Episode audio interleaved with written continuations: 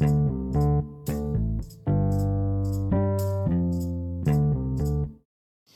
kaydedebilir miyiz? Ses kaydediyoruz biz zaten burada şimdi ama sen de istiyorsan sen ayrıca kaydet. Ee, evet şimdi Müslüm filmi seyrettik. Ee, yani hikaye öncelikle gerçek bir hikaye.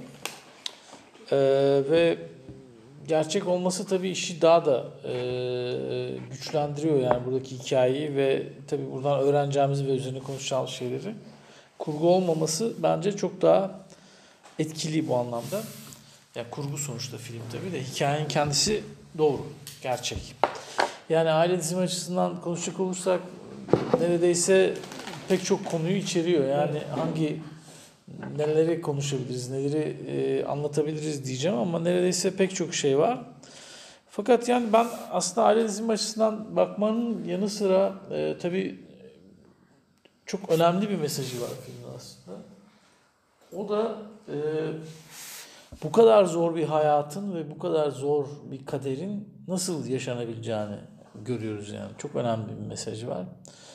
Ee, bir sürü olay oluyor, bir sürü e, çok zor olay oluyor. Normalde bir insanın yaşadığında e,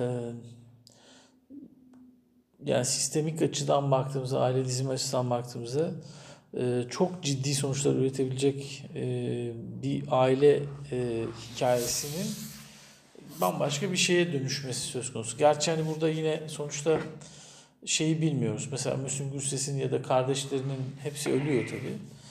E, nesil Müslüm Gürses'ten sonra devam etmiyor açıkçası. Devam etse ne olacaktı bilmiyoruz.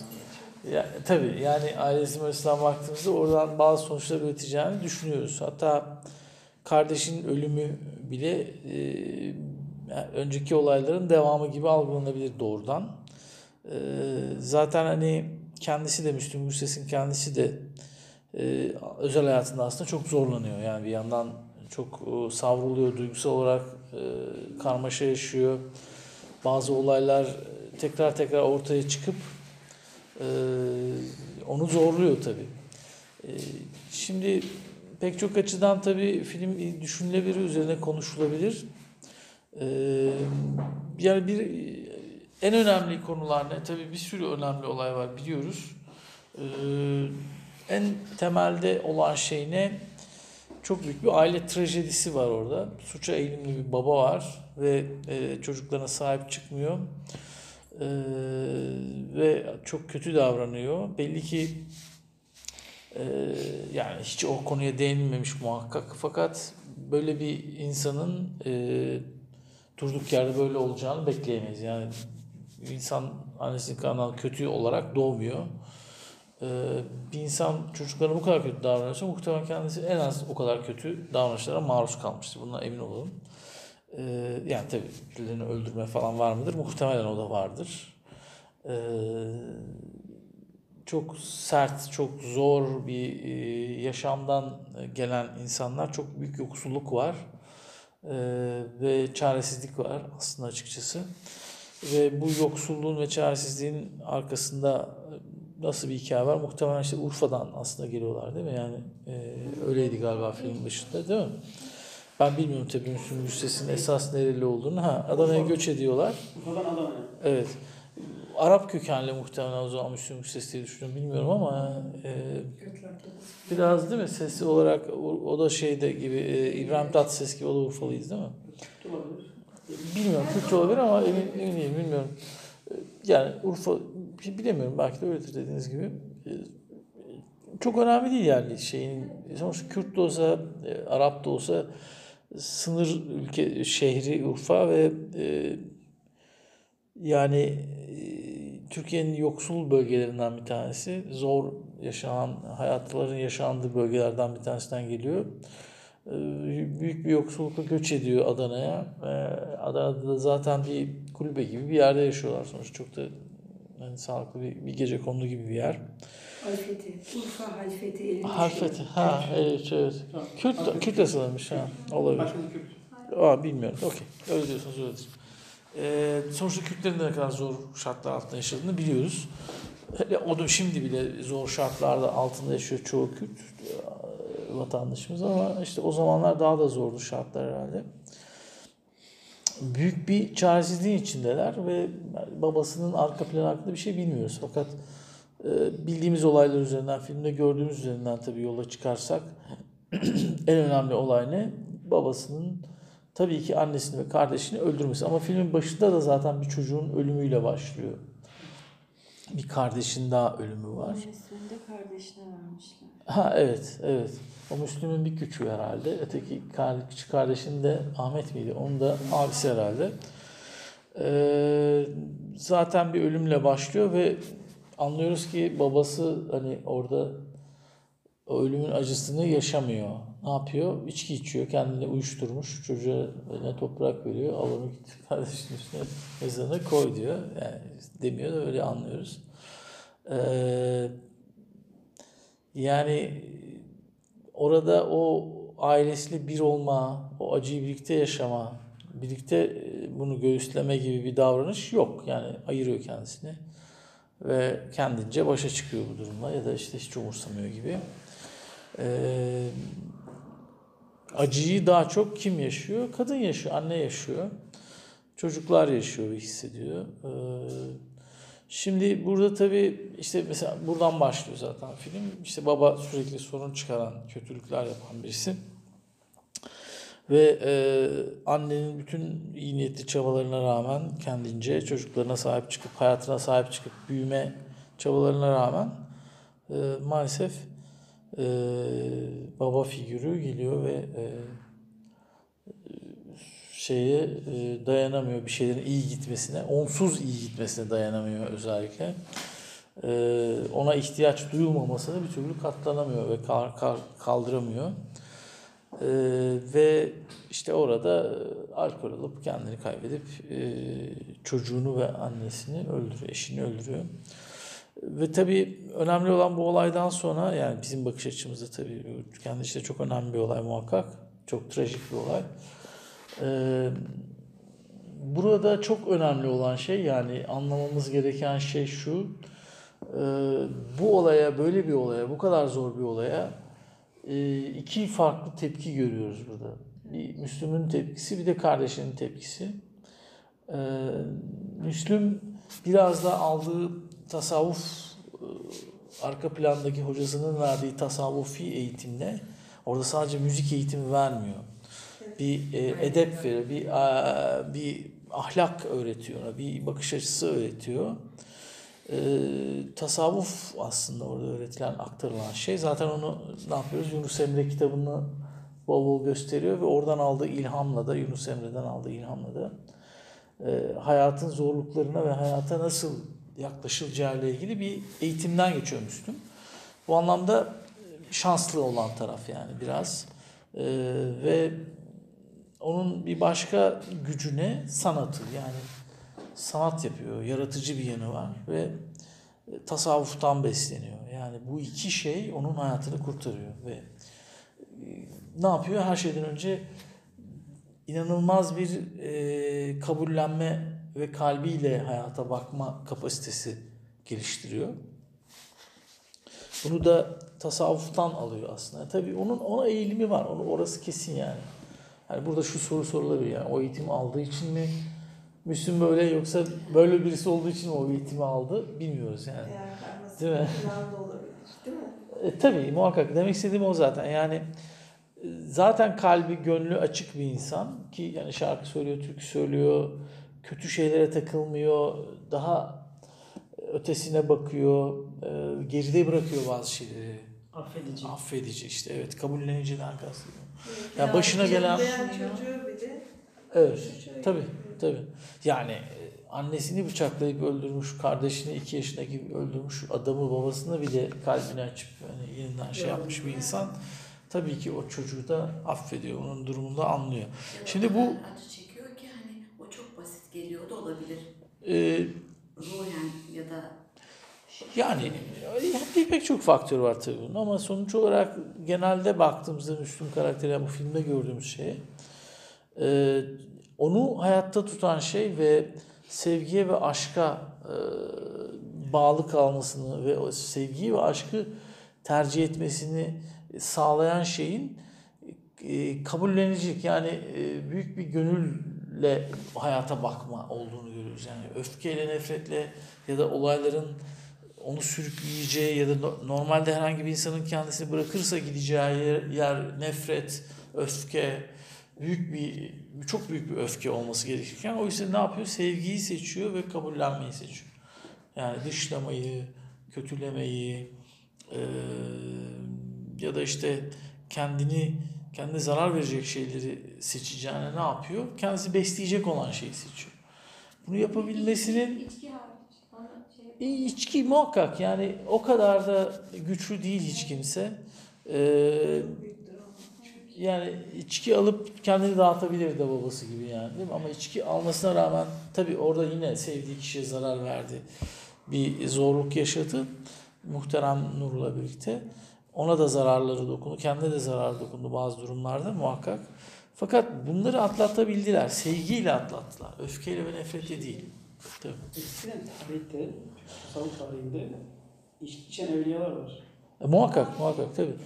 E, muhakkak vardır yani. E, olabilir, evet. Yani Bektaşilikte falan da mesela vardır. Yani içerler şey ama adam kalenderdir yani. Kabul büyük bir şeyin içindedir. Bazı e, tasavvuf geleneklerinde hani esrar içme vesaire de vardır yani. Hani o, o- onun şeyleri de vardır. E, ne derler ona bir adı bile var hatta şimdi hatırlamıyorum. E, neyse şimdi hatırlamıyorum. Fakat yani e, zaten buradaki mesele şu. e, mesela Osho da bahsediyor. Hindistan'da da böyle bir gelenek varmış. E, yani adamlar şey e, öyle bir eğitimden geçiyorlar ki yani e, içki içiyorlar, şey içiyorlar, zarar verecek her şeyi yapıyorlar ve e, senin onun etkisini e, almaman lazım. Yani sana içki de veriyor adam, uyuşturucu da veriyor. Giderek arttırıyorlar uyuşturucunun dozunu. Hatta en son aşamada hani çok az bir miktarı dahi e, bir insanı ya da bir atı falan bile öldürecek kadar zehir veriyorlar ve zehiri dahi fiziksel anlamda dahi vücudundan hiç etkilemeden atabiliyorlar. Yani öyle bir eğitimden geçiyorlar. Yani buradaki mesele şu yani tasavvufta da bu var. Yani içtiği içki insanı e, kötüleştirmiyor. Ya da ne bileyim içtiği aldığı uyuşturucu şu bu değil. Sen ne olursa olsun, başına ne gelirse gelsin, neyin etkisinde olursa olsun kendi bilincinden ve kendi farkındalığından sorumlu olan sensin. Yani esas eğitim bu zaten. Yoksa mesela hayatta Müslüm'ün de olduğu gibi başına ne kadar büyük kötülük gelirse gelsin ya da o hayat sana ne kadar kötü davranırsa da davransın senin o hayatı nasıl ele aldığın ve nasıl başa çıktığın önemli. Şimdi Müslüm'de muazzam bir şekilde bunu görüyoruz yani bu hikayede. Bu kadar zor bir hayatı en sonunda filmi çok güzel özetlemiş. Hayat zordu ama güzeldi demiş yani. Şimdi e, bu zorluğa, e, bu meydan okumaya, bu şeye, e, hayatın bazen ya da çoğu zaman hepimizi zaman zaman içine alıyor zorluklar. Hani Müslüm kadar sert olmasa bile. e, o yüzden Müslüm'ün filmini yapıyorlar, bizim yapmıyorlar. Değil mi yani? Yaptırmasın. Biz neden Müslüm'ün filmini yapıyorlar? Çünkü bu hikaye olağanüstü bir hikaye. Yani bu adamın hayatı algılayışı, hayatı yaşayışı. Yani açıkça şunu söyleyeyim ben de Müslüm'ün Müslüm olduğu zamanlarda e, yabancı müzik dinleyen işte Müslüm Gürses'i hiç halen dinlememiş, dinlemişliğim yoktur müziğini fakat e, yani arabesk müziği falan zamanında hep böyle dışlamış, kötü hisse, şey yapmışızdır, eleştirmiştir zamanında. E, biraz da Batı hayranlığı etkisiyle belki e, hani bu insanlar ne yaşıyor, ne hissediyor, neden böyle şarkılar söylüyor falan çok karamsar, çok negatif gelirdi bana hep. E, oysa şimdi görüyorum ki bu yaşımda ve ailezimi falan da yaptıktan sonra gelip dönüp bakıyorum ki bu insanlar gerçekten o acıları yaşamışlar yani. Hani acının e, şarkısını söyleyip de hani para kazanalım falan diye değil gerçekten o oradan geliyor insanlar ve evet yani mesela bu şeyde de e. Mesela bu Amerika'da da e, hatta çok benzerlik hissettim bir ara. Di- Direkt aklım oraya gitti. Amerika'da mesela blues müziği vardı. Mesela ben blues dinlerim, çok severim. Bunu entelektüel bir şey gibi düşünürüm ama aslında zencilerin yani zencilerin evet kölelerin aynen buradaki gibi mesela tarlada falan şey pamuk Tasavvuf topluyorlar falan filan. aslında. yani tasavvuf müziği gibi değil. Tasavvuf müziği çok entelektüel bir müzik. Tasavvuf çok sofistike ve çok entelektüel bir müzik. Bu daha çok bu daha çok alt sınıfın acılarını dillendirdiği bir müzik türü. Yani arabesk böyle bir şey. Hatta E, Yasmin ağacı yani şey Yasemin ağacının altında daha çok oradan geliyormuş caz. Caz evet. Yani caz ve blues zaten e, oradan geliyor. Ağıt yakıyorlar. Evet Afrikalı e, şeylerin Afrika'dayken söylediği şarkıları e, Amerika'da köle olarak e, şey tarlalarda çalışırken acılarını ifade ettikleri ya da yaşamlarını ifade ettikleri, duygularını ifade ettikleri bir müziğe dönüşüyor. Buradan şunu e, biraz irdeleyebiliriz. Yani müzik aslında ve sanat şifalandırıcı, iyileştirici bir tarafı var ya. Bunu da göz ardı etmememiz lazım. Yani zaten Müslüm kurtaran şeylerin en başında bu geliyor. Yani. O sanatın ve müziğin e, ve müzikle duygularını ve kendisini ve kendisi gibi olanların duygularını ifade edebildiği oranda bunun şifalandığını görüyoruz yani. Ke- Onun çıkışı o. Yoksa bir yerde intihar edebilir, birisini öldürebilir falan. Zaten başına gelen olaylar bir sürü olay geliyor. Neredeyse kazada ölüyordu. Ee, ya da işte ne bileyim bıçaklandı öldürülüyordu belki vesaire bir sürü zorluklar yaşıyor. Şimdi zaten e, bu tarz olaylar hele aile içi şiddet ve cinayette e, şöyle bir mekanizma var yani e, kişinin hayatta kalması, kendi hayatıyla barışık olması çok zor. Çünkü hayatını aldığı anne ve babası e, bir tarafı bir tarafını öldürüyor. Oysa çocuğu ikisi çocuk ikisinden de hayatı alıyor. Dolayısıyla bir tarafının katil, bir tarafının da e, maktul gibi hissetmesi gerekiyor. Bir tarafıyla acı çeken ve hatta yani kendi içinde kendine düşman bir insan olmasını bekliyoruz biz. Çocuğunun ya da torununun. Böyle bir olayın ardından. Dolayısıyla bu nedir? Bu muhtemelen intihardır yani.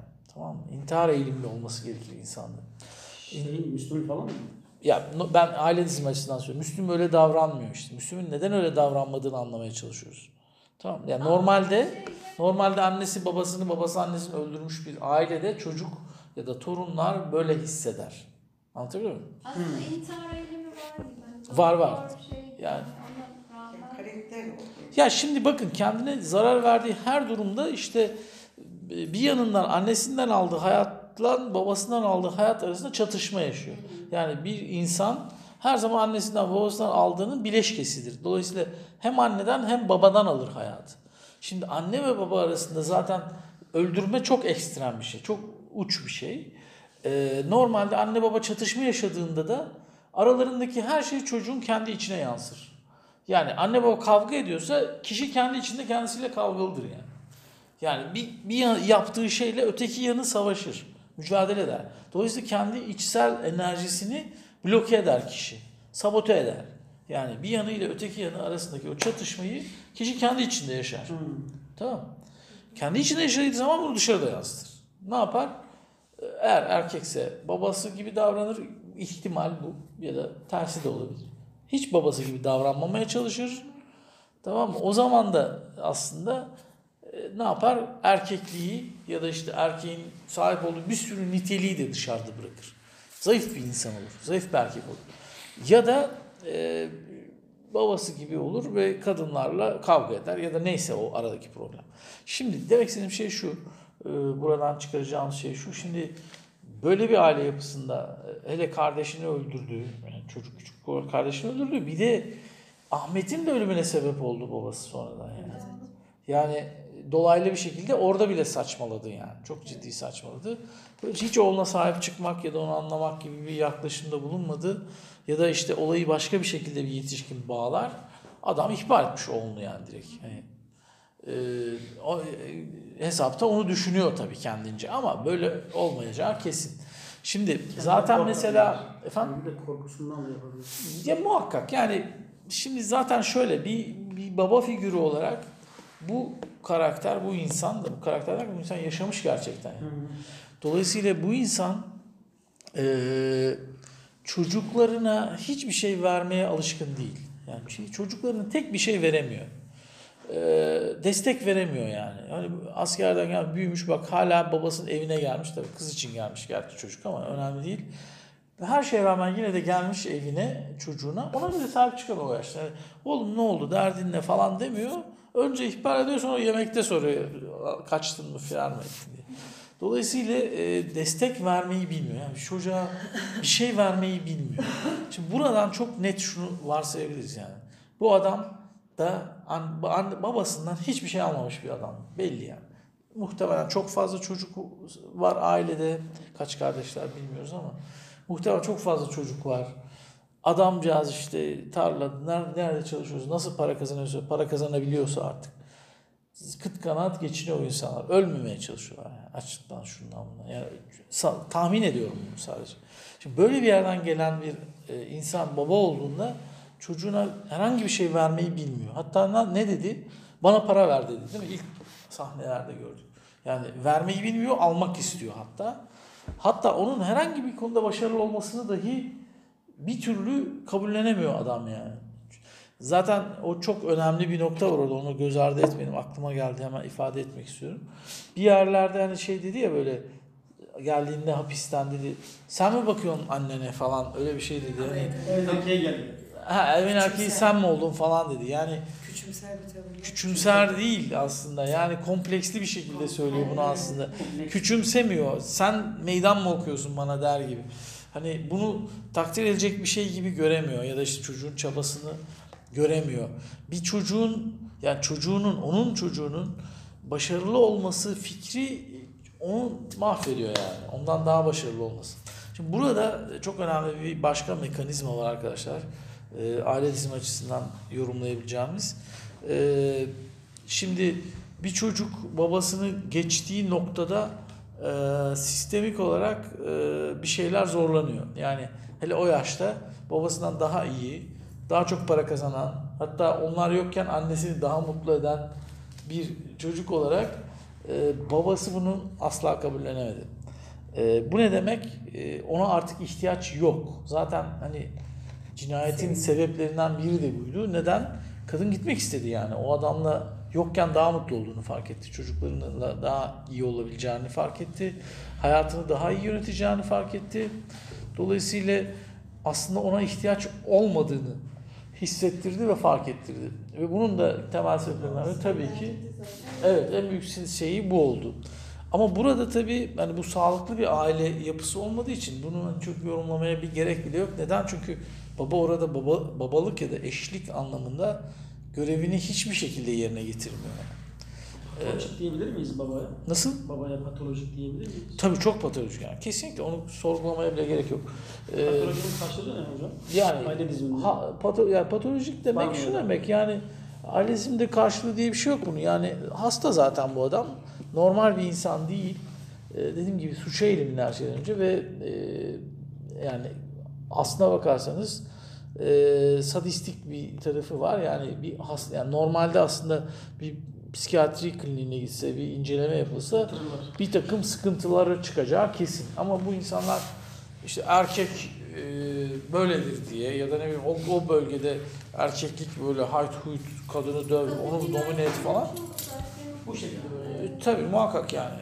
E, orada e, gücünü göstermenin yolu şey, domine etmek gibi böyle kaba davranmak, şey yapmak. Aslına bakarsanız buradaki şöyle bir psikoloji var yani adamın kendisi çok ezik bir insan olduğu için, çok ezik hissettiği için, e, çok toplum açısından, toplum onu ezmiş, dümdüz etmiş. Yani e, onurlu bir şekilde yaşayacağı kadar para kazanmasına izin vermemiş toplum. Yani öyle bir eğitimi yok, öyle bir e, toplumsal şartlar, ekonomik şartlar yerinde değil. Devletin herhangi bir desteği yok. Bakın buradaki en önemli sorun devletin hiçbir şekilde hissedilmemesi bu filmde. O dönemde 60'lar 70'lerde Devlet diye bir şey yok yani. Devlet sadece işte askere giden adamı gelip yakalamak için 10 tane jandarma gördük yani. Nerede devlet? Yok değil mi yani? Devlet sadece askere geliyor mu gelmiyor mu ona bakıyor. Ya da e, öldürdün mü birini hapse atayım seni.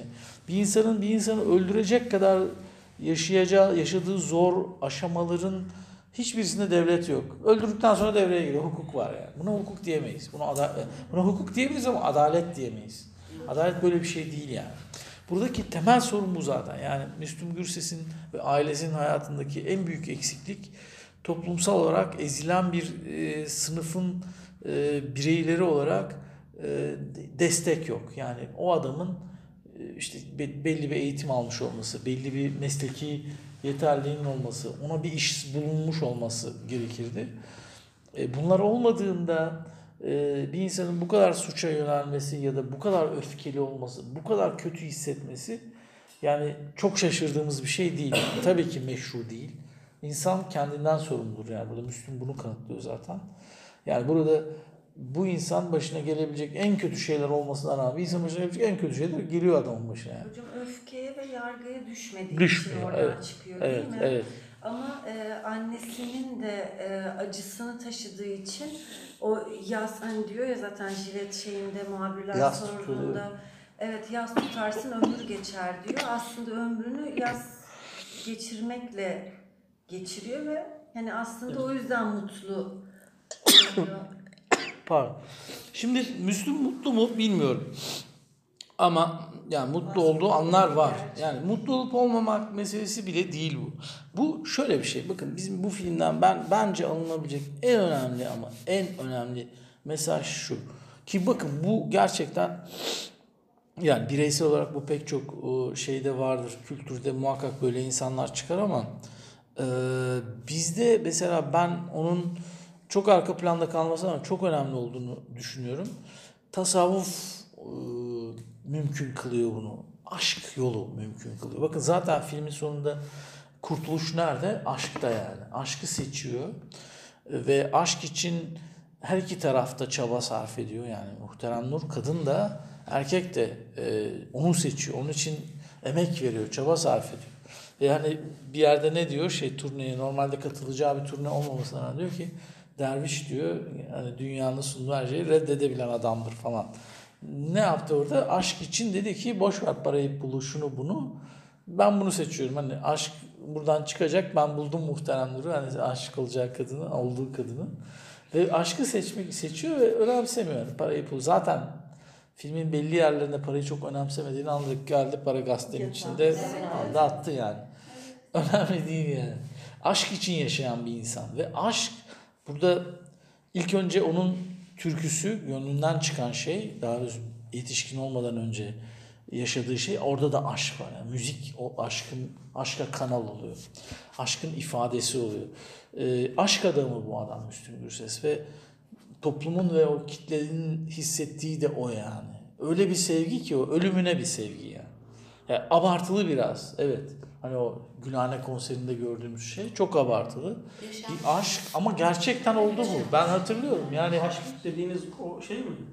Bıçaklama mı? Bıçaklanmalar olsun. O bakın bıçaklama değil. Kendini şey- Oradaki bakın bu hay, bir, bir saniye. Hayranlıktan bahsediyorum.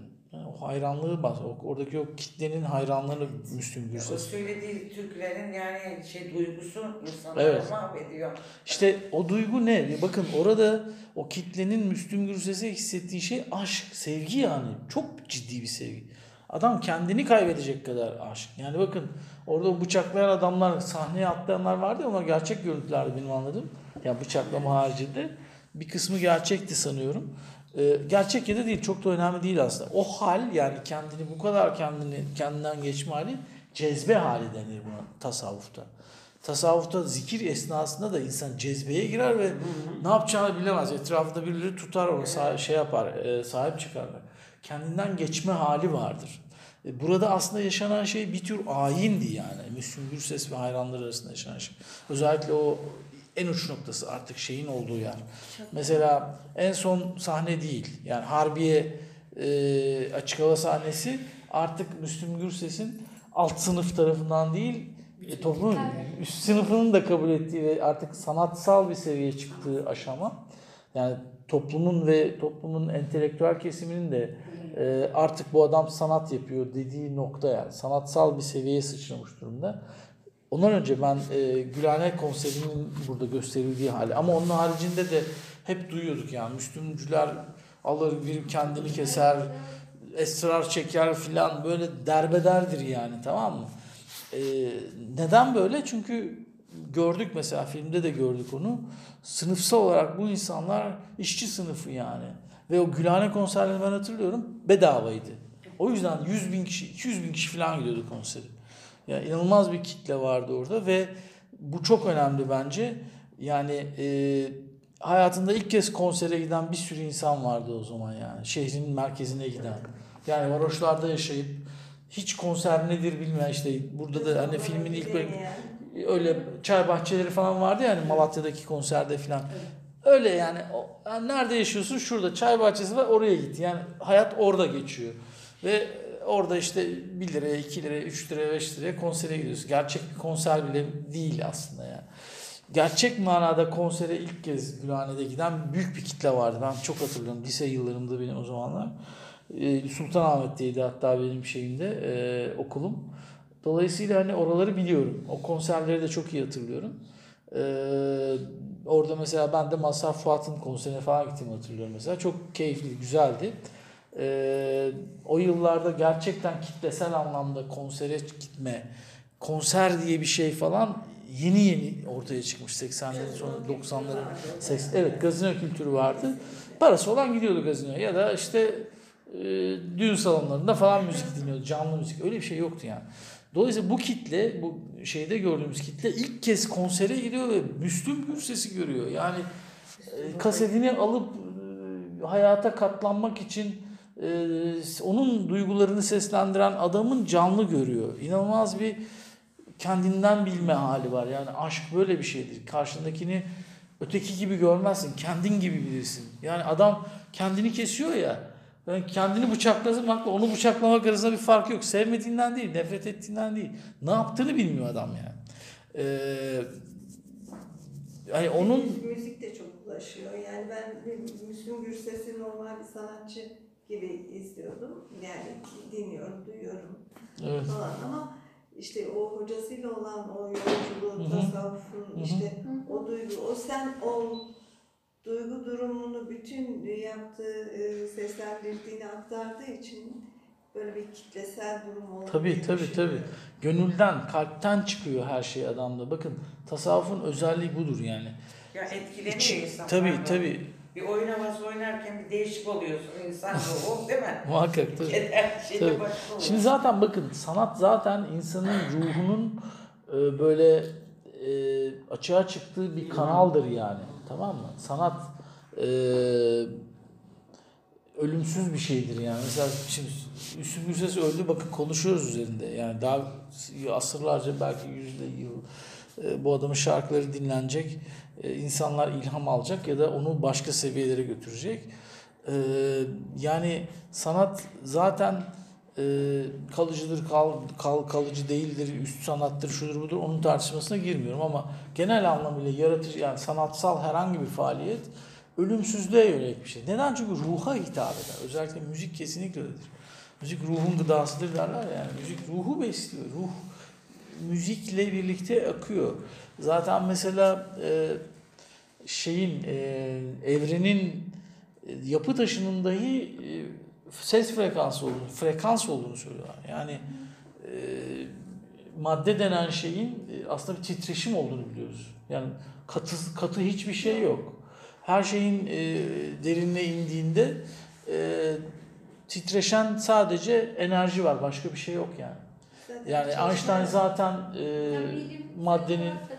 tabii tabii tabii. Şimdi zaten hatta Kur'an orada katılmış. Doğrudur evet. Yani e, fiziksel anlamda da yani fiziki kanunlar da bunu yani bu bulgulanmış bir şey, bilinen bir şey. Zaten maddenin enerji olduğu bulgulandı.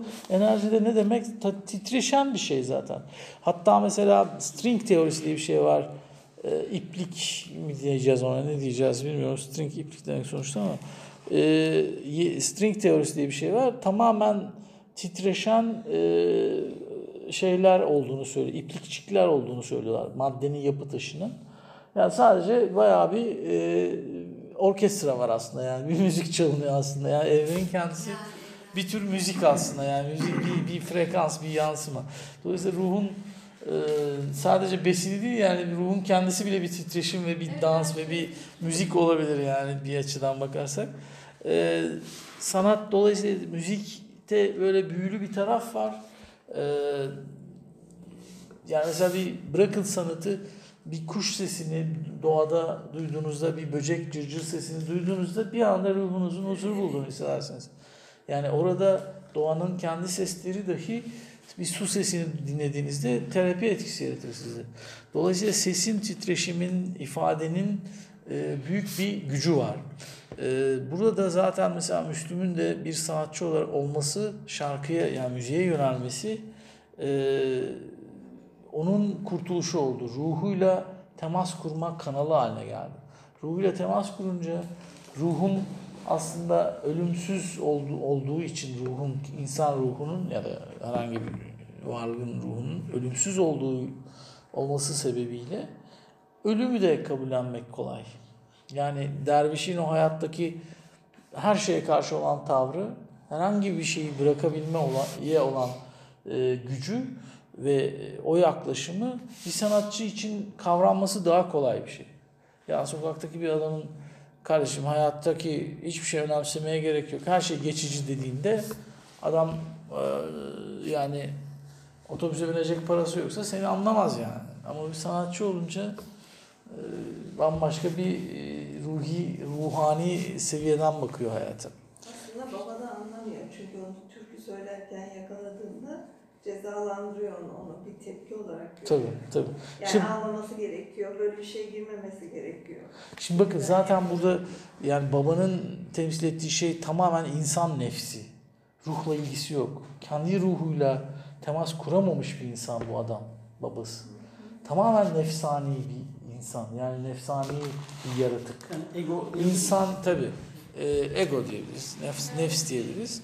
E, yani e, şimdi sanat e, gibi bir şey, e, yaratıcılık gibi bir şey, ruhsallık işte ya da Yunus gibi bir insan şiir yazıyor. O da gerçi şarkı gibi söylüyor falan filan muhtemelen ama yani saz çalıyor falan.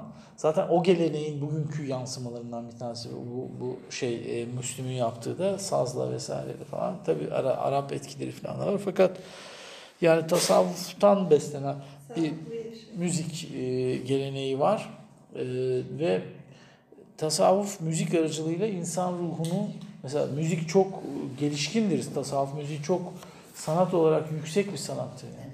Ama tasavvufun bütün önemsediği bütün alanlarda pek çok e, sanat dalı vardır yani. Oymalar, bilmem neler, işlemeler falan filan. Bir sürü sanatla incelir insanın ruhu. Yani eliyle bir şey yaparken, ona şekil verirken aslında kendi ruhunu şekillendirir. Kişiliğini, daha doğrusu kendi nefsini şekillendirir insan yaptığı şeyleri.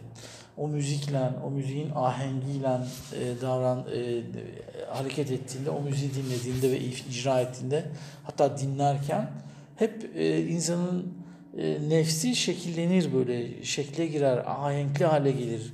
E, ruhuyla, evrenle, e, yaradanın e, şeyiyle, enerjisiyle, bilinciyle uyumlu hale gelir insan. Dolayısıyla sanat aracılığıyla ruhu inceltmek söz konusudur tasavvufta. Ve e, başka pek çok şeyde de böyledir. Mesela özellikle e, dini e, yapılara ve yapıtlara baktığımızda çok sofistikedir yani. Mesela bir yani bir katedrale gitseniz de bu böyledir. Bir sinagoga gitseniz de böyledir. Camiler de böyledir. Yani insanlar en yüksek sanatı hep dini yapılarda gösterirler kendini. Çünkü o ruh ruhlarının maddeye verdiği şekil aslında kişinin kendi ruhunun kendi nefsine, bedenine ve kişiliğine yani dünyasal olan tarafını şekillendirmesini simgesidir bir, bir nevi. E, dolayısıyla tasavvuf yolu zaten insanın e, nefsini giderek böyle işlediği, şekillendirdiği, sofistike ve ince hale getirdiği e, ve e, kendi bilincinin e, yansıttığı bir şekle sokmaktır yani yol olarak. Bu, bu sayede Müslüm bunu doğru dürüst bir tasavvuf eğitimi almamasına rağmen hani bir tasavvuf disiplinden geçmiyor aslında. Yani müzik öğrenirken onun şansına, kaderine e, üstadı e, tasavvuf e, tasavvuf e, eğitimden geçmiş, adabından geçmiş bir hoca. Bu onun şansı muhtemelen. E, o sayede kalbiyle hayata bakmayı öğrenmiş. Yani kalbiyle baktığında e, her şeyi kabullenmek söz konusu olur. Olabilecek en kötü şeyler de dahil buna. Yani olabilecek en kötü şey.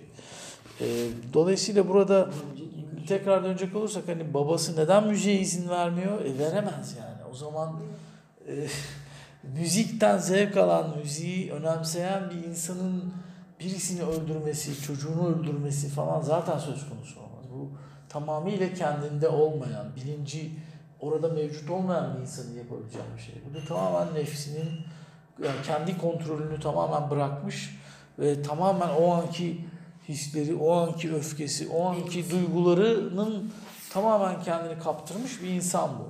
Yani ne- negatif duygularını özellikle. Dolayısıyla insanın e, nefsini aşması çok önemli. Nefsinin içinde kalmaması çok önemli. Yani Müslüm bunun çok muazzam bir örneği.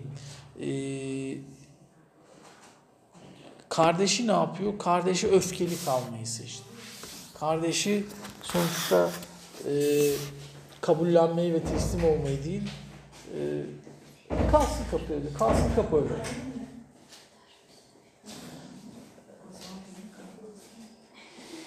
E, yani e, kavgayı, mücadeleyi, öfkeyi, öfkenin içinde kaldığı zaman kişi e, o Ahmet gibi işte kardeşi gibi bir şeyleri yönetemiyor. O öfkenin sonucu yani mesela ne yaptı? Teslim olabilecekken aldı eline silah gitti camın oraya. Ya 20 tane adam seni çevirmiş değil mi? O neyin öfkesi değil mi? Öfkenin nasıl zarar verdiğini insana anlıyoruz. Yani o da aslında babasının aslında babası diyor sen bana benziyorsun ama hayır Müslüm sana benzemiyor. Sana Ahmet sana benziyor. O da çok öfkeli kaldı. Ahmet de çocuğu olsa çok kötü davranacaktı ona emin olun yani. Hocam orada o kadar inanarak onu söylüyor ki sen bana benziyorsun diye. O nasıl bir yanıl diye düşünmek. Kendini mi görmek istemiyor aynaladığı için red mi ediyor? Böyle yani bir şey mi? Nasıl arkadaşlar bir şey? böyle bir bu baba hiçbir şeyi doğru algılayan bir baba değil zaten yani. Hiçbir şeyi doğru algılayan. Hayatla ilgili varsayımları da, yaşantı tarzı da, yaptığı yapmadığı her şey yanlış zaten. Evet. Anlatabiliyor muyum? Şimdi orada o baba, ha, o baba hayatının hiçbir aşamasında doğru hiçbir şey yapmamış. Özellikle ailesi olduktan sonra öncesini bilmiyoruz ama yani bir ailede bir baba nasıl olmamalının karşılığı bu adam. Yani olmamalı derken yanlış anlamayın bakın. Yani baba şöyle ya da böyle olmalı diye çocuğun bir fikri olamaz. Bunun da en iyi e, şeyi e, örneği Müslüm diyor ki yani sonuçta babası çöpe atamaz, kötü davranamaz. Diyor ki biz de onun gibi kötü mü olalım diyor yani. Hani kötü davranışından bahsediyor. Babayı yine reddetmiyor. Bakın hani mesela biz aile dizimde hep deriz yani ne olursa olsun babanı, anneni olduğu gibi kabul edeceksin yani. Çünkü onlar başka kişi olabilseler olacaklardı. Olmadıkları için ne yapabiliriz ki yani? Aynı ailede iki kardeş nasıl değişik karakterler. Tabii tabii çok farklı. Şimdi zaten bakın Yetiştirmekle falan. yok yetiştirmeyle ilgisi yok ama tabii Anne biri baba diyeceğiz ama. Yok bakın ama buradaki mesele şu. İkizler de farklı oluyor. Onun haricinde burada tabii şöyle bir şey var arkadaşlar. Birincisi e, Müslüm'ü aklı başında tutan şey sorumluluk duygusu. Kardeşinin sorumluluk duygusu yok ama bakın.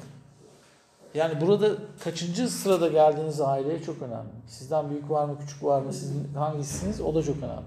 Yani orada kardeş diye ikisi aynı karakter olacak diye bir şey yok. Buralarda pozisyon tamamen farklı. Müslüm orada annesinin, babasının, babasının diyorum, annesinin, kardeşlerinin kendi arzularının sorumluluğunu alan tarafta. Ama kardeşi ise korunan, desteklenmeye çalışılan, üzülünen, acınan tarafta. O zaman ne oluyor? O da eee, öfkesinin sonucuyla yüzleşmeyeceğini düşünüp öfkeli kalıyor. Ya babaya öfkeli sadece. Babayı evden kovacak. Ama kendi evi bile değil ki abisinin evi. Değil mi? Onun sorumluluğunu almış mı? Hayır. Okulunu bitirmiş mi? Hayır. Okul da bitirmiyor. Okulu bırakıyor. Onu yapmıyor, bunu yapmıyor değil mi? Öfkeli çünkü. Öfkeli kalmaydı. Öfkelinin sonucu ne gördük değil mi? Hayatını kaybetti. Neden? Çünkü o hayatı o hayata sahip çıkacak kadar saygı duymuyor hayatına, kendi hayatına. Başkasının hayatına da saygı duymayacaktı o büyüseydi. O büyüseydi, çocuğu olsaydı kendi çocuğuna babası gibi davranacak. Babasına ne kadar benzediğini o zaman muhtemelen görecektik. Hocam bu kadar ama yani e, babayı yargılamıyor, öfkeye düşmüyor ama buna rağmen e, yine hani alkolle karşı koyamıyor ve e, işte babasının annesine davrandığı gibi yeri geliyor mesela hani muhterem Ama babasının vuruyor. yaptığının İşte- yanında bunlar çok küçük şeyler. Küçük ama şeyi merak ediyorum işte yani orada e, o acıya tutundu yani o yastan çıkamadığı için mi? Ama kafasında, beyindeki o şeyden dolayı devamlı başında bir uğultu var. Ondan Hayatı sanat ve kulağının biri 20 sene son 30 Evet. sene duymuyor. Evet. Yani hayat bağı sanat Şimdi. Şimdi dediği çok doğru. Yani beyin travmaları her zaman zaten şiddet e, eğilimi yaratıyor. Zaten öyle bir şey söylüyordu. Burada yaptığı hata ne? İlaç kullanmak yerine alkol almayı tercih etti. Ha işte Attı neden şeyi. işte orada kalıyor? Travmadan dolayı değil mi o yaşadığı? Ama yaşadıkları Evet. hani her insanın kaldırabileceği bir şey değil. Belki Aslında o da o kadar kaldırabiliyordu. Şimdi bakın arkadaşlar yani babasını içinde taşımaya devam ediyor zaten. Babasını hiç kimse dışlayamaz. Ne yaparsa yapsın. Babasına olan bağını içki içerek kuruyor. Zaten ne yaptı? Bir yerde anıyı gördük. Babasının rakısını içtiği o cinayetten sonraki o sofrada aynı şeyi yaptığını fark etti zaten. Ben anneye diye düşündüm. Tamam Hayır, hocam. hayır. Burada babaya bağlı. Alkolik olması babaya bağlı. Bakın zaten bağımlılıklar genelde babadan çocuğa, oğula geçer. Bazen babadan kıza da geçiyor. Ee, babadan çocuğa geçer. Tamam mı? Ee, bağımlılıklar. Ee, yani babayı mesela bağımlı olduğu için annesi reddeder. Kö- kötü konuşur onlarla. Yargılar ya kavga çıkar ya bilmem ne olur. Ya anne doğrudan hani alkol kötü Allah belanı versin vesaire neyse ara sorun çıkaran şey alkol olur. Ee, çocuk yani çocuk ne kadar annesine zarar verdiğini bilse bile o çocuklar büyüdüğünde gider alkol kullanır ya da uyuşturucu kullanır ya da neyse. Neden? Gizlice yani babayı sevmek için özgür olmazlar yaptığı yanlışlar yüzünden. Burada da aynı şey söz konusu. Babayı özgürce sevme şeyi yok. Ee, Özgürlüğü yok çocukların. Hiçbirisinin yok. Yani ona tanık olduktan sonra bunu kendileri yapamaz zaten. Annesi öldükten sonra. Kendi duyguları izin vermez buna. Ee, fakat ne oluyor? Bilinçsizce yine babaya benziyorlar. Küçük olan nasıl babaya benzedi? Öfkeli kalarak. Öfkesini aldı babasının. Öteki nasıl aldı? Alkolü kullanarak. Yani o da kendine zarar verici bir davranış yaparak. Şimdi babayı, anneyi reddetme şansımız hiç yok yani. Hiçbir şekilde yok. Eğer açık açık reddedersek gizli gizli ona benzemeye. Evet. Vicdanımız, ruhumuz asla izin vermez onu dışlamaya. Tamam mı? Burada Müslüm Gürses ne yapmış? Açık açık babasını kabul etmiş. Demiş ki tamam baba gitti cezasını çekti. Olan oldu. Çünkü geride bırakıyor olayları. Yani bırakabildiği kadar bakın. Sonuçta o da aydınlanmış bir insan değil yani. Tamam? Şey biliyoruz biz bir de Yusuf'un babası ölünceye kadar ve kendisi ölünceye kadar babasına hep maaş göndermiş. Tabii canım tabii tabii sahip çıkıyor babasına. Bak kardeşini öldür, ölümüne sebep olunca eline toprağı verdi. Orada bir öfke gösterdi ama yine sahip çıkmaya devam ediyor. Bak yani davranışın doğru değil. Baba olarak da doğru baba değilsin ama babamsın ve bunun buna olan saygımdan dolayı her zaman sana hani gereğini yapıyorum. Yani baba yani babayla nasıl ilişki kurulacağıyla ilişkili çok önemli e, bilgiler var burada. Ve bunu yapan bir insan olduğu için büyüyor. Yoksa kaybolup gidecekti bu. Tamam? Yani bakın e, varoluşun, Allah'ın, Yaradan'ın ne derseniz adına desteklediği şey şu. Sen anneni babanı reddetme ne yaparsa yapsın. Koşulsuz. Yani babalık ve annelik hakkını onların yaptığı herhangi bir şey onlardan alamaz. Hiç kimse hiç kimseden e, ailedeki rolünün e, alamaz. Ne yapmış olursa olsun. Tamam mı? Bu çok önemli. Aile Biz genelde mesela baban annene tokat atmış görmüşsün. Diyorsun ki babam iğrenç bir adam falan. tamam mı? Yani burada yapacak hiçbir şey yok. O, sen hayatı almış durumdasın baban. Bak sen doğdun büyüdün. Babana diyorsun ki ne biçim adamsın bilmem nesin şusun musun senin gibi babayı istemiyorum falan filan. Neyse öfkelisin babana ya da dışlıyorsun ya da görmüyorsun saygı duymuyorsun. Ama bunu yapmak için bile babandan aldığın şeyle yapıyorsun bunu. Hayat. Babandan aldın zaten sen hayata geldiğin anda babandan aldığın şey babanın yapıp yapabileceği en kötü şeyden daha değerli. Tamam mı? Hayatın, almış olduğun hayatın kendisi, annenin, babanın ya da işte ailendeki sana kötülük, kötü diye adlandırdığın ya da eksik bıraktığını düşündüğün, ya, o sebepten yargıladığın her şeyden daha değerli. Çünkü sana en baştan vermiş durumda.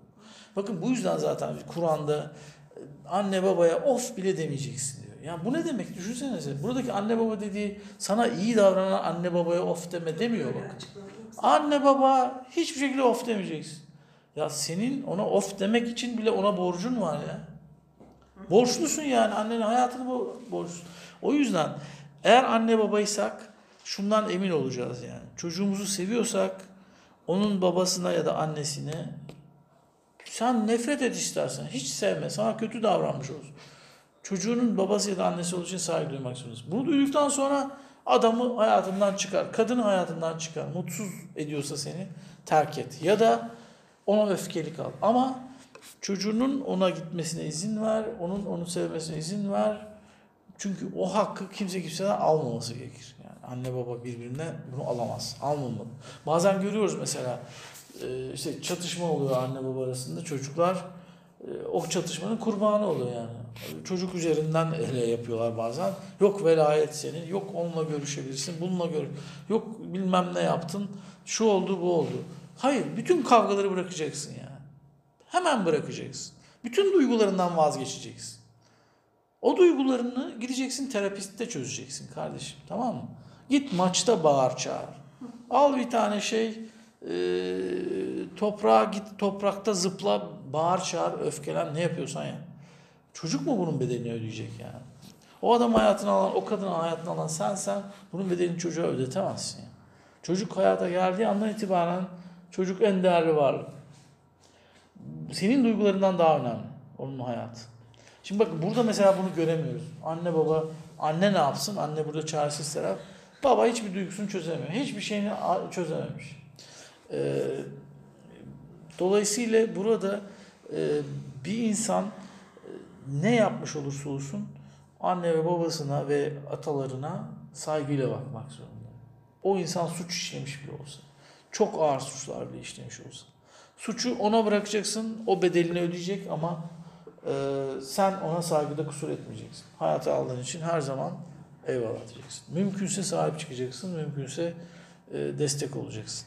Olamıyorsan da en azından saygıyla bakacaksın manevi olarak. Asla şey yapmayacaksın. Bakın anne babasına ne yapmış olur, olurlarsa olsun onlara ne, ondan nefret eden, onları dışlayan kişi lanetlidir. Lanetlidir. Ahmet'te görüyoruz bu filmde. Yani çocuk at- aşamadığı için onu hayatından oluyor. Anne babayı dışlayan lanetlidir. Tabii. Anne babayı yargılayan, dışlayan, kötüleyen. Anne babanın yaptığı şeyden bağımsız olarak söylüyorum. Tamam? O kişi ki hangi tarafı dışlıyorsa, ikisini de dışlıyorsa da olabilir. Sahip olduğu hayatla huzurlu olamaz. Çünkü onu veren kişilere öfkeli. Onların verdiği şeye öfkeli oluyorsun bu durumda. Yani onlar sana bunu zaten verdiği için hayatını sen onlara olan bütün tavrın senin kendine olan tavrın aslında. Tamam sen babana nefret duyarken kendini sevemezsin. Anneni sevmiyorsan kendini sevemezsin. Tamam. Ben izin istesem. Tabii ki. Ben çünkü annemi e, hiç tahmin etmedim burada bir Anladım, tamam. olacağını. Tabii tabii. tabii. Biri de- Anneniz ise zaten kimdi? Hayır bakalım aklımıza. Evet buyurun. İntiharlarda İntihar. ne var? Nasıl? İn, intiharda işte böyle e, intiharda birkaç olasılık var. Yani birincisi mesela böyle bir ailede iş- işlenmiş bir cinayet. E, Kurbanı mı olur acaba? E, ailede iş, aile içi bir cinayette e, şimdi her iki tarafta sana ait ya zaten kafadan öyle. Annen de baban da senin annen ve baban. Hı hı. Dolayısıyla sen ikisini de içinde taşıyorsun. Dolayısıyla bir taraf bir tarafı öldürdüğü için öldüren tarafta, öldürülen tarafta senin içinde. Dolayısıyla sen intihar ettiğinde ne yapıyorsun? Kendini öldürüyorsun. Değil mi? İçindeki baban, içindeki anneni öldürüyor. Böyle düşünebiliriz. Tamam mı? Bir yarın öteki yarını öldürüyor. Ama bir yarım ölme diye bir şey Anneyle olmadığı için varsa tabii. Hayır hayır bu şimdi en bariz örnek. Bu filmden yola çıkıyorum ben. Sadece onunla sınırlı değil. Ama e, bir başka sebebi cinayetin, şey intiharın şeydir. E, bedeli ödenmemiş, e, gizli kalmış bir cinayetin Kurban. torunları e, şey yapar. İntihar edebilir. Yani ödeme yapar. Yani evet iki Bedel- tarafla da özdeşleşiyorlar orada. Üçüncü kuşakta öyle oluyor. Sonra- Dolayısıyla bir sonraki nesillere de yansıyacak bir şey olacak. Evet sonraki nesiller zaten üstleniyor bunu. Yani gizli kalan bir cinayet adam zaten bilinçli olarak saklıyor bunu ya da bir bedel ödemiyor. Savaş döneminde adam öldürmüş 10 kişi e, gayet de işte suç işlememiş. Vicdanen de bunu yüzleşmemiş. Ne oluyor? Bunu çocuğu hayatta olan bir çocuğu varsa bilinçli büyükse o da üstlenmiyor. Genelde ikinci kuşak sondan ondan sonra gelen ikinci kuşak e, üçüncü kuşak tabii işte ödüyor. O ne yapıyor? Öldüren de öldürülen tarafla da özdeşleşiyor. Bir taraf e, babasıysa diyelim öldüren ya da öldürülen taraf babası annesi ise öteki tarafı da temsil ediyor. Çünkü cinayet durumunda cinayeti işleyen kişinin temsil edilmesi gerekiyor şeyde. e, öldürülen tarafın e, ailesinde. Yani bir katil çıkması gerekiyor öldürülen kişinin ailesinde. Buradaki gibi. Annesinin öldürülmesine o kadar öfkeli ki çocuk kendisi bir katile dönüşüyor aslında. Katil olacaktı zaten o çocuk. Muhtemelen olacaktı yani tamam mı? Ama ne oldu? Öldürüldü. Öldürüldü. Katil. Efendim? Maktulün olduğu tarafta mı Şimdi katil? anne buradakinde zaten iki taraf da aynı taraf. Anlatabiliyor muyum? İki taraf da aynı taraf. Ya anne de baba da iki tarafta ya. Şimdi çocuk tabii ki öldürülen taraf annenin tarafında kalıyor. Ne oluyor? Katille özdeşleşiyor. Babasıyla özdeşleşiyor. Tamam. Yani katile çok öfkeli bir birisi çıkıyor öteki ailede. Öldürülen tarafın ailesinde bir kişi öldürül yani öldürüldüğü için o katile çok öfkeli kalıyor burada tamam mı? Ne oluyor? Bu sefer katile dönüşüyor. O da bir katile dönüşüyor. Katile baktığında zaten o katil de e, kendi ailesinde öldürülmüş kişi olduğu için katil olmuş zaten. O da karşı tarafla özdeşleşmiş. Ya bu böyle tekerleğin dönmesi gibi iki kuşakta, üç kuşakta bir bir katil Kan çıkıyor davası ortaya. gibi bir şekilde. Bir- Yani gibi. Savaşta birini öldürmek, karşı düşman öldürmenin bir bedeli var mı? Var tabii. Olmaz mı? Ama savaş bu şey E, savaş ne savaş? Kim kim yazıyor bu savaşın kan- kanunlarını? Bakın kural birisinin birisini öldürmesi. İnsanların birbirini öldürmesine izin vermiyor biz, sistem. biz, biz şey diyoruz, gazi diyoruz. Siz istediğinizi değil. İnsanların nedeninin bir önemi yok. Yok tabii ki. Ee, şimdi zaten bakın mesela ben şunu söyleyeyim. Kahraman diyoruz. Biz onları kahraman yapıyoruz işte. Hı hı. Karşı taraf ne diyor ona? Katil diyor. Değil mi? Düşman diyor. Karşı tarafın umurunda mı senin ona kahraman demiş olman?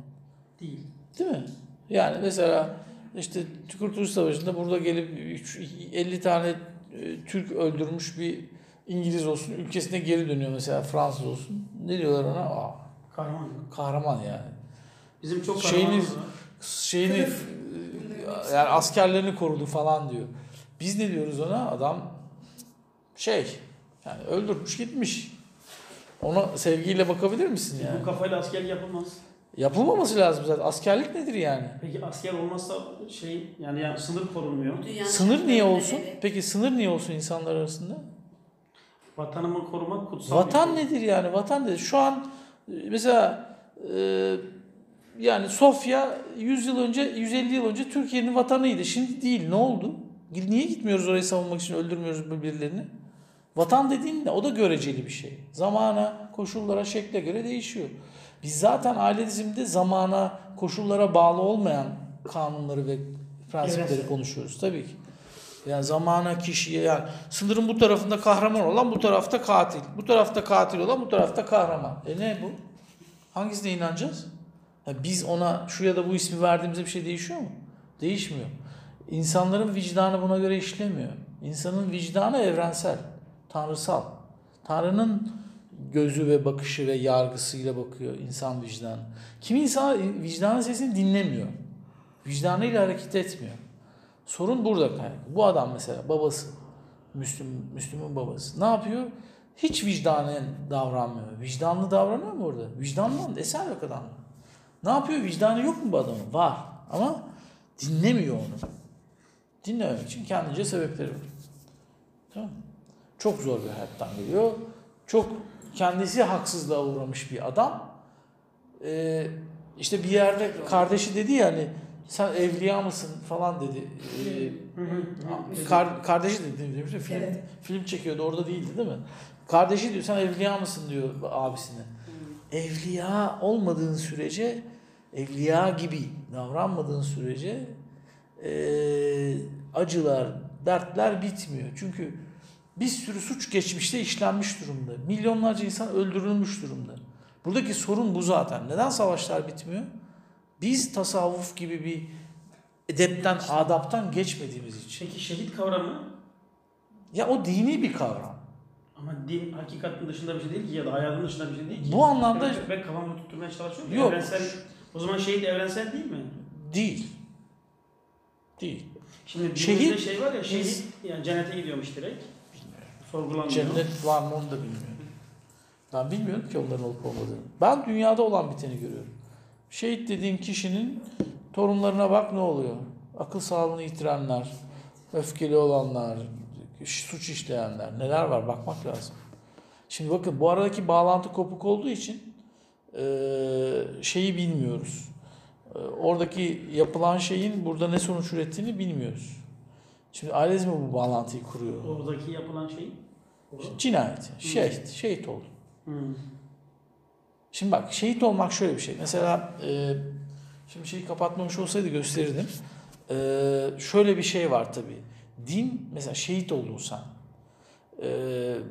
Şehit olduysan e, bunun karşılığı ne? Yani ailende bir şehit varsa ne yapıyorsun? Kalben diyorsun ki o Allah'ın yanına gitti diyorsun ve ne yapıyorsun? Onu öldürene nefret duymuyorsun. Duymaman lazım. Gerçek dindarsan. Bu iyi bir şey değil mi o zaman? Bak bir dakika. Bu duygu Şimdi bir dakika yavaş yavaş gidelim. Dur yavaş yavaş gidelim. Hangi duygu? Bak demek istediğim şey şu. Din kendi içinde bir hakikati var. Yani şöyle bir hakikati var. Dinin bütün kurallarına uyarsan hakikati var. Şe- şehitlik bir mertebe. Ama aynı din şunu da söylüyor. Hazreti Peygamber. Diyor ki bir insanı öldürmek bütün insanları öldürmektir. diyor. Hazreti Peygamber Haksız Hazreti Ali mi diyor bilmiyorum. Haksız değil. Bir insan öldürme bütün insan bir insan öldüren bütün insanlığı öldürür diyor. Hazreti Muhammed galiba. Hazreti Ali emin değilim. Ama önemli değil. Şimdi bir yanda bu var, bir yanda bu var. Evet. Tamam. Şimdi çelişki derken şöyle. Onun kendi içinde başka başka açıklamaları mantığı vardır. Eğer sen şehit oluyorsan ya da şehit ediyorsan tamam mı? Ee, onun ardında e, onun sebep olacağı bütün acıları da kabullenmen lazım. Yine buradaki Müslüm'deki gibi. Tamam o yola girdin, kendini adadın, öldün ya da öldürdün. Sonuç olarak orada e, akan kan ya da şey ne oluyor? Kalanlar e, bunun için öfkelenmiyor. Diyor ki o cennete gitti. Dolayısıyla biz hani onu öldürene nefret duymuyoruz. Tamam. Evet. Ne o? Karşılık olmaksızın öldürürüz. Bilmiyorum. O değil benim şey. Ee, şey e, yani e, orada kendini adayan insanın ya da bir feda eden insanın ya da savaşan insanın e, can kaybı nedeniyle buna üzülmemek, bundan bir nefret çıkartmamak mümkünse bu bir sorun çıkarmıyor. Cinayet olayında da öyle. Herhangi bir insan için de geçerli. Yani diyelim e, işte senin anneni birisi öldürdü, bir adam öldürdü, bir katil var. Sen o katili e, Allah'ın istediği bir şeyin sonucu olarak olmuş olarak görürsen e, o katili affedebilirsen kalbinde vicdanen gerçekten tamam mı? O zaman karşı taraf bunun için bir bedel ödemek zorunda da kalmıyor. Tamam mı? Bu tamamen insanların e, olayı nasıl vicdanen karşıladıklarına bağlı. Anlatabiliyor muyum? Mesela bir örnek var. Bunu gösteririm. Linkini yollarım bir ara. Ee, şey e, bir Müslüman kadın Amerika'da oğlu öldürülmüş. Cinayete kurban olmuş. 14 yaşında bir çocuk öldürmüş. Ee, bunu şeyde ben YouTube'da gördüm. Ee, karşı tarafın işte o da bir küçük çocuk. 15-16 yaşında bir çocuk öldüren de e, mahkeme esnasında gidiyor bir konuşma yapıyor. Çok etkileyici. Onu mutlaka izleyin. Türkçesi de var alt. Film mi? Yo yo YouTube ya gerçek bir olay. Gerçek bir olay. Hı. Ee, kadın diyor ki e, yani benim dinime göre diyor e, her şey Allah'tan gelir diyor. O çocuğun o an orada karşı oğlumun karşısına çıkıp bu çocuğun sen de bir çocuksun diyor.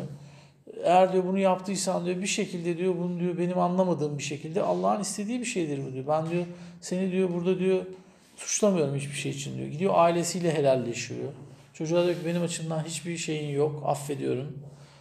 Ee, şimdi mesela böyle bir durumda e, o öfkeye, kine, nefrete dönüşmediği için bu olay, o cinayet olayı. Mesela burada e, sistemik olarak öteki tarafın e, bir bedel ödemesi diye bir şey mecburi değil yani. Devam etmeyecek yani. Ha, etmeyecek muhtemelen. Neden? Çünkü sana öfkelense sen de onlardan nefret etsen o katil olan tarafın e, çocuk da mesela hiçbir şey anlamayacak. Belki ailesi de öyle. Ama böyle bir tavra karşı kayıtsız kalamaz. Ne yapıyor ailesi? Muhtemelen vicdanen bununla diyecek ki yani biz hani oğlumuz yanlış yaptı tamam. Bundan bir şey öğrenecek ve vicdanen bununla hesaplaşacak kendi içinde. Tamam? Yani esas buradaki mekanizma şu. Yanlış bir şey yapmış olsa bile yani geri döndürülemez bir şey, cinayet gibi bir şey yapmış bile olsa bir insan eğer o insan kendi içerisinde bunun vicdani muhasebesini tamamen yaparsa, bunun az, vicdan azabını çekecek olursa tamam mı? Bununla yüzleşirse kendi içinde bu onun muhtemelen zaten maneviyata yönelmesine sebep olacaktır. Yani Allah'a ya da işte bir inanca ya da bir e, meditasyon yaparak vesaire bunu manevi seviyede çözebilir insan ancak. O e, ruhunun seviyesine çözebilir. Eğer ona yönelirse bir kişi ondan sonra gelen kişiler özgür olur.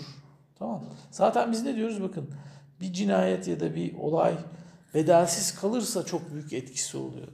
Daha büyük yani in- intihar gibi, cinayet Bedelsiz gibi. derken hapis yatmadıysa. Ya hapis yatmaz. Gizli kalırsa. Gizli kalınca çok daha büyük etkisi oluyor.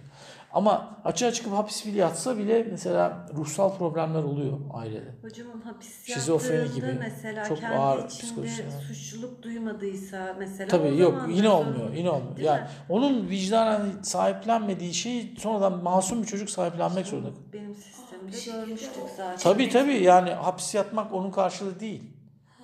Hapis hiç ya. Hapisle alakası yok onun. Ya adam burada da mesela babası tahminen bir 10 yıl falan yatmış gibi anladım ben filmin akışından. Zaten bir af çıkıyor. Evet. Bakın o da başka bir adaletsizlik. Yani birisi birisini öldürüyor, başka birisi gelip herkese affediyor. Bence çok saçma bir şey. Yani adalet ne kadar adalet sağlıyor o ayrı bir şey ama hani affet yani sen affediyorsun da yani Hocam kamu vicdanı affediyor mu değil mi? Yani İnsanlığın en günahkar dönemine denk geldik ya. Değil mi? Çok biraz öyle yani, gibi. çok biraz büyük. öyle gibi evet. Yani. evet Bundan biraz 10 bin sene önce böyle değildi bence. Herkes Ya bakın şöyle o zaman Bir de kanunlar daha düzgündü. Şimdi artık ben çok... kanuna gerek yoktu ki. Daha Ya-. Erdem ahlak kavramı daha. Tabii tabii insanlar insanlar erdemi için yaşardı o zaman. Mesela işte vardır ya öyle tabii mesela şey vardır ya öyle e, bir bir, bir adama hakaret ediyorsun, düelloya çıkıyorsun. Birisi ölecek yani. Ve bu hukuken uygun yani. Kimse gidip de niye öldürüyorsun bu adamı falan demiyor. Yani onur için yaşıyor insanlar. Sen adama hakaret et, seni düelloya davet ediyor. Yani öyleydi eskiden. Birebir toplum içinde sanıklar eşliğinde yapıyordum. Bir tabii tabii öldürdüğüm zaman ceza almıyordu. Eğer uygunsa şeye. Değil mi? Yani demek istediğim şey şu. İnsanlar onuru için yaşıyordu eskiden. Sapiens- Erdem için yaşıyordu. Şey, Sapiens'i biliyorsunuz değil mi? Hı hı. O kitabı. Evet. O, o, o öyle demiyor ya. O şey diyor. İnsanlık çok kötüydü falan filan gibi anlatıyor. Ya, o kitabın ben Ben yazarının Hiç beğenmedim ve kurgu gibi geldi bana. o, Koptum yani ben bir Yahudinin yazı tövbe tövbe estağfurullah. Evet Yani Yahudi.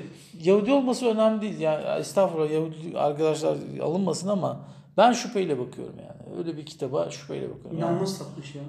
çok satmış. Ama zaten bu bile onun bir büyük oranda proje olduğunu gösteriyor. Evet, proje Bir, bir, bir böyle arka planda bir insanların ahlakını ve dünya Belli bir görüşünü tamam. belli bir şekilde e, yönlendirmek için yazılmış bir kitap olmalı diye düşünüyorum. Ben de öyle düşünüyorum ya. Çünkü şey Yani ona bakarsan bizim tasavvuf e, şeyine baksan 100 bin tane kitap var. Hangi birisini Aynen okuyor insanlar? Orada neler var yani? Of ne hazineler var. Bilmiyoruz. Biz bilmiyoruz daha. Ki dünya dü- henüz daha insanlığa bunu sunamadık yani. Bunları alıp oradaki kaynakları günlük bilgiye dönüştürüp insanlığa sunamadık. Yani bizim eksikliğimiz bu yani. Tasavvufu aktaramadık şu anki insan. Peki burada bırakıyoruz arkadaşlar. Teşekkür ederim hepinize. Burada